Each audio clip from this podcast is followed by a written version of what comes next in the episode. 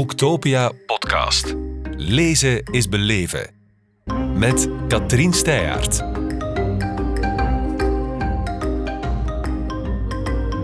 Welkom, Björn van den Einde, in Kortrijk op Boektopia. Goedemiddag. Goedemiddag. Je bent hier met verschillende boeken, maar het, uh, het nieuws is De Beschermengel, uitgegeven bij Pelkmans. Dat klinkt mooi, Beschermengel. Dat boezemt een zeker vertrouwen in, maar dan lezen we tot welke reeks dit behoort. Confessions of a Teenage Serial Killer. Yes, een hele mond volle. Als ik het uh, uitspreek, de titel, dan struikel ik soms al eens over mijn eigen woorden. Ik heb het nu gedaan, dus het is oké. Okay. Het prachtig, prachtig gedaan. Maar het, uh, ja, het doet het ergste vermoeden. Ja, het is eigenlijk een, een, een reeks van losse verhalen. Dus uh, de verhalen volgen niet op elkaar. Het is elke keer een, een, een bunch van tienerkarakters die dat ergens ten lande of in het buitenland misschien voor de komende delen geconfronteerd worden met uh, een dader of een daadster, een moordenaar die dat uh, feiten pleegt. Um, het is eigenlijk een beetje een doorstart van een andere reeks dat ik geschreven heb, die Mortis, waar dat ook misdaad en mm -hmm. criminaliteit een, een, rol speelt. Um, maar specifiek voor deze reeks vond ik het heel fijn om mij te laten inspireren door bestaande seriemoordenaars. Uh, niet specifiek voor dit boek alleen, dus meer uh, de algemeenheid van um, het, het, lezen van interviews met bestaande seriemoordenaars. Ik had er daar eentje gelezen, um, een quote van een Amerikaanse uh, dader. En die had gezegd, um, ten aanzien van de daden dat hij dan gepleegd had in de gevangenis, werd hij geïnterviewd. En die zei, ik, uh, ik ben niet trots op wat ik, wat ik gedaan heb. Misschien heb ik zelfs spijt. Maar dat wil niet zeggen dat ik het niet opnieuw zal doen. En, ja, dus uh, ik vond dat heel intrigerend om te zien wat die man toch een soort van empathie aan de dag legde. En tegelijkertijd toch dat... Um, Complete koelbloedigheid. Ja, in, in zich had. En het is dus een reeks die dat enerzijds het verhaal vertelt van een aantal karakters die dat um, als slachtoffers um, aan de slag gaan met het feit dat er... Uh, feiten gepleegd worden. Hè. Um, en ondertussen krijg je op zwarte pagina's de gedachtenstroom van de dader of daadster te lezen in de ik-persoon. Want uiteraard heb ik graag dat je niet te snel weet wie dat de persoon is dat daarachter zit. En vandaar ook die titel Confessions of a Teenage Serial Killer. Um, de beschermingel is het eerste deel van die uh, reeks van losse thrillers. Ja. De beschermengel slaat op het feit, er wordt een uh, jongen van 18 vermoord teruggevonden. Ja. Kort daarvoor heeft hij een soort heel ja, onaangename aanvaring gehad met een meisje van 16. Klopt.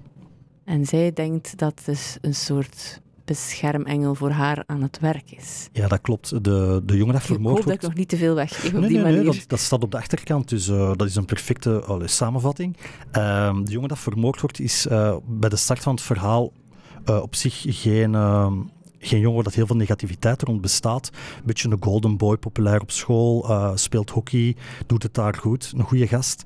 Uh, maar wordt dus vermoord teruggevonden met de tekst op zijn lichaam, geschreven ne la touche pas, hè, raak haar niet aan, wat overduidelijk niet op hem kan slaan, omdat hij ja, een jongen is en het gaat mm -hmm. over, uh, over iemand dat hij niet mag aanraden, een, een, een meisje.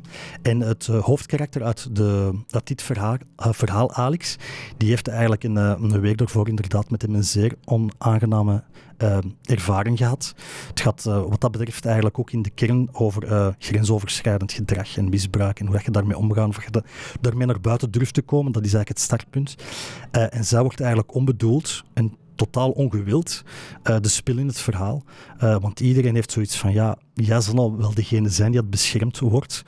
Um, maar ja, daar start het verhaal natuurlijk uh, maar. Er worden heel veel vragen gesteld. En gaan er dan nog slachtoffers vallen? Zijn er nog personen dat jou op de een of andere manier iets hebben mm. misdaan? Um, en een heel leuk gegeven is ook wel dat ze zelf het gevoel heeft dat ze zelf ook in de gaten wordt gehouden. Dus ze heeft niet bepaald het gevoel dat ze beschermd wordt door die beschermengel, maar dat ze misschien op een bepaald uh, moment ook wel eens een keer slachtoffer zou kunnen worden van, van die persoon of van die, van die dader of daadster. En dan zit het spel op de wagen. En dan natuurlijk. zit het spel uh, volledig op de wagen, ja, absoluut. Maar je haalt daar grensoverschrijdend gedrag aan, een zeer actueel thema. Ja.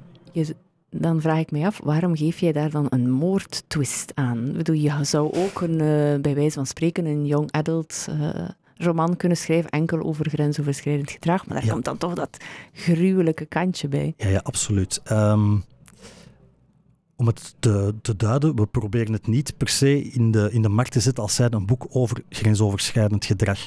Want daarvoor vind ik dan het thema aan zich ehm, te belangrijk om dan te zeggen van we doen het per se daarover. Nee, nee. Wat, ik, wat ik wel fijn vind, of wat ik comfortabel vind, is om ehm, voor de doelgroep een, een verhaal aan te reiken met een plot die dat heel gemakkelijk wegleest en heel gemakkelijk engageert, maar die dat dan eigenlijk vooral in de buikthema's um, um, aanhaalt, bespeelt, daar vragen doet rond opwerpen, Mhm. eh, zonder dat het echt in het gezicht wordt gegooid. Misschien is het is het gewoon mijn, mijn stijl. Want ik moet zeggen, mocht ik uh, louter over het thema iets proberen te schrijven, dan weet ik niet of ik daartoe in staat ben. Ik, ik, ik, uh, ik zou het heel moeilijk vinden om, om dat thema echt puur on the nose één op ja, één ja, te gaan dat bespreken. is absoluut Ja, niet voilà. evident. Hè? Ik heb ook heel veel respect voor, voor um, verhalen, zowel uh, wat boeken betreft als films, die dat louter op die karakterboog uh, daar iets heel mooi mee doen. Ik zelf vind het fijn om uh, om nogmaals ja, een, een, lezer mee te nemen op die trip. Um, snel in een verhaal te engageren, ook voor te zorgen dat die trein heel snel vooruit dendert, Mhm. zodat je graag verder leest en graag snel verder leest. En als je daar dan een thema kunt aanraken dat de moeite waard is en, en hen daar uh, enkele vragen over kunt laten stellen en dat toch in de aandacht brengt, ja, dan heb ik zoiets van, oké, dan heb ik misschien ook wel iets mooi gedaan dan louter uh, gezorgd voor vier uur popcorn, bij wijze van spreken. Dat is eigenlijk altijd een beetje de insteek geweest. Ja. Ja, ja, dat begrijp ik. En hoe, ja, ik, ik blijf het fascinerend vinden waarom moord en gruwel en waarom dat doet lezen. Heb jij een antwoord? Ik, um, ja, ja. Um, wat mij persoonlijk fascineert, um, en ik, ik hoop dat dat dan ook misschien hetgene is wat dat uh, lezers aantrekt in, in, in alles wat ik tot nu toe al geschreven heb. Ik probeer wel altijd op zoek te gaan naar dat soort van moordenaars of daders die dat uh, vanuit hun perspectief ook wel een punt hebben. Dus ik zal, ik zal sowieso nooit goedkeuren dat iemand um, overgaat tot dat soort van gruweldaden Mhm. om, om zijn of haar punt te maken. Maar in de allerbeste thrillers, vind ik zelf, heeft de dader op het einde van het verhaal toch wel een punt gehad. Los dan van het feit dat, Die had het de, beter dat niet de uitgevoerd. oplossing, ja, ja. dat de oplossing niet de juiste is. Uh, maar dat soort van ironie, um, dat apprecieer ik apprecieer ik heel erg. Dus daarom ook, ja, dat is misschien ook een reden waarom dat soms wat uh, zwaardere thema's aan bod komen, net omdat je daar ook de, de, de voedingsbodem zoekt om zowel protagonisten als antagonisten ja, verschillende gezichten te geven. Hè. Uh, een held die dat alleen maar goed is, of een, een tegenstander, een antagonist die alleen maar slecht is, ja, dat is per definitie saai. Dan ben je moment, snel uitgesproken. Hè? Ja. Het moment dat die elkaar beginnen te kruisen, uh, en ik denk dat dat bijvoorbeeld in Confessions ook wel heel schoon gelukt is, en, en, en je op de een of andere manier ook kunt rooten voor je dader, of daadster of daders. Dus ik probeer hè, het nog Ja. niet te verklappen. Hè. Je, Ja. voelt wat ik aan het doen ben. Hè. Ja. Ehm, ja, als je daarvoor kunt rooten, dan heb je echt, denk ik, de leukste leeservaringen. Maar het moet dus wel, het is niet voor de tere zieltjes. Nee, ik heb, ik heb de indruk dat, um, dat lezers wel wat verwachten en dat ze steeds meer verwachten. Want toen ik in de tijd met Team Mortis begon, daar zijn er nu dertien van, Mm -hmm. um, dat eerste deel, daar uh, kwam geweld in aan bod. En dat vond ik zelf al vrij pittig. Um, en toen werd dat ook geper gepercipieerd als zijnde pittig.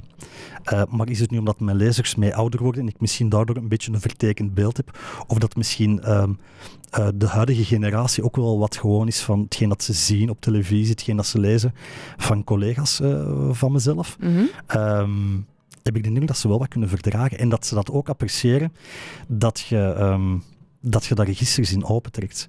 Het is natuurlijk een genre, de, de why done it, hè, wordt het vaak genoemd, hè, wie heeft het gedaan, maar een mooiere term vind ik, eigenlijk voor hetzelfde genre is de uh, nee, is inderdaad de why done it. Hè. Ja. Eigenlijk de who done it, wou ik zeggen. Ja. Uh, wie heeft het gedaan, maar de why done it, waarom dat iemand dat doet. Waarom kan je iemand zo ver, of hoe kan je iemand zo ver drijven om dat soort van daden te stellen? Ik denk dat dat gewoon fascineert, omdat um, ik ervan uitga. Um, en dat heb ik ooit een van mijn docenten op het RIT uh, horen zeggen, dat er een moordenaar en een verkrachter en een oplichter en een weet ik veel wat in ieder van ons zit. Ik geloof dat ook. Ik, ik geloof dat je iedereen tot het punt kunt drijven dat die tot verschrikkelijke dingen overgaat als je maar op de juiste of in dit geval de verkeerde knoppen duwt. Ja, net zei de juiste, ja, de hm? juiste knoppen. discutabele term. Ja, dus de knoppen die dat, uh, ervoor verantwoordelijk zijn. Um, ik kan me wel voorstellen dat oh, bijvoorbeeld als er bepaalde zaken met mijn, mijn, met mijn dochtertje zou gebeuren, mm. ja, dat ik tot een soort van waanzin gedreven word. Vind ik ook interessanter dan bij wijze van spreken ja, de pure psychopaten die dat omwille van een ziektebeeld daden. Ik probeer altijd op zoek te gaan naar, naar mensen die dat... Het is minder gelaagd natuurlijk. Ja, voilà, sessa, sessa. Ja. Dus um, dat vind ik wel interessant om te, te proberen ontdekken van hoe kan ik iemand tot dat punt drijven. En ik denk dat dat ook hetgeen is wat, dat, wat dat lezers of lievers van het genre wel appreciëren in, in een goede dader of daadster. Ja.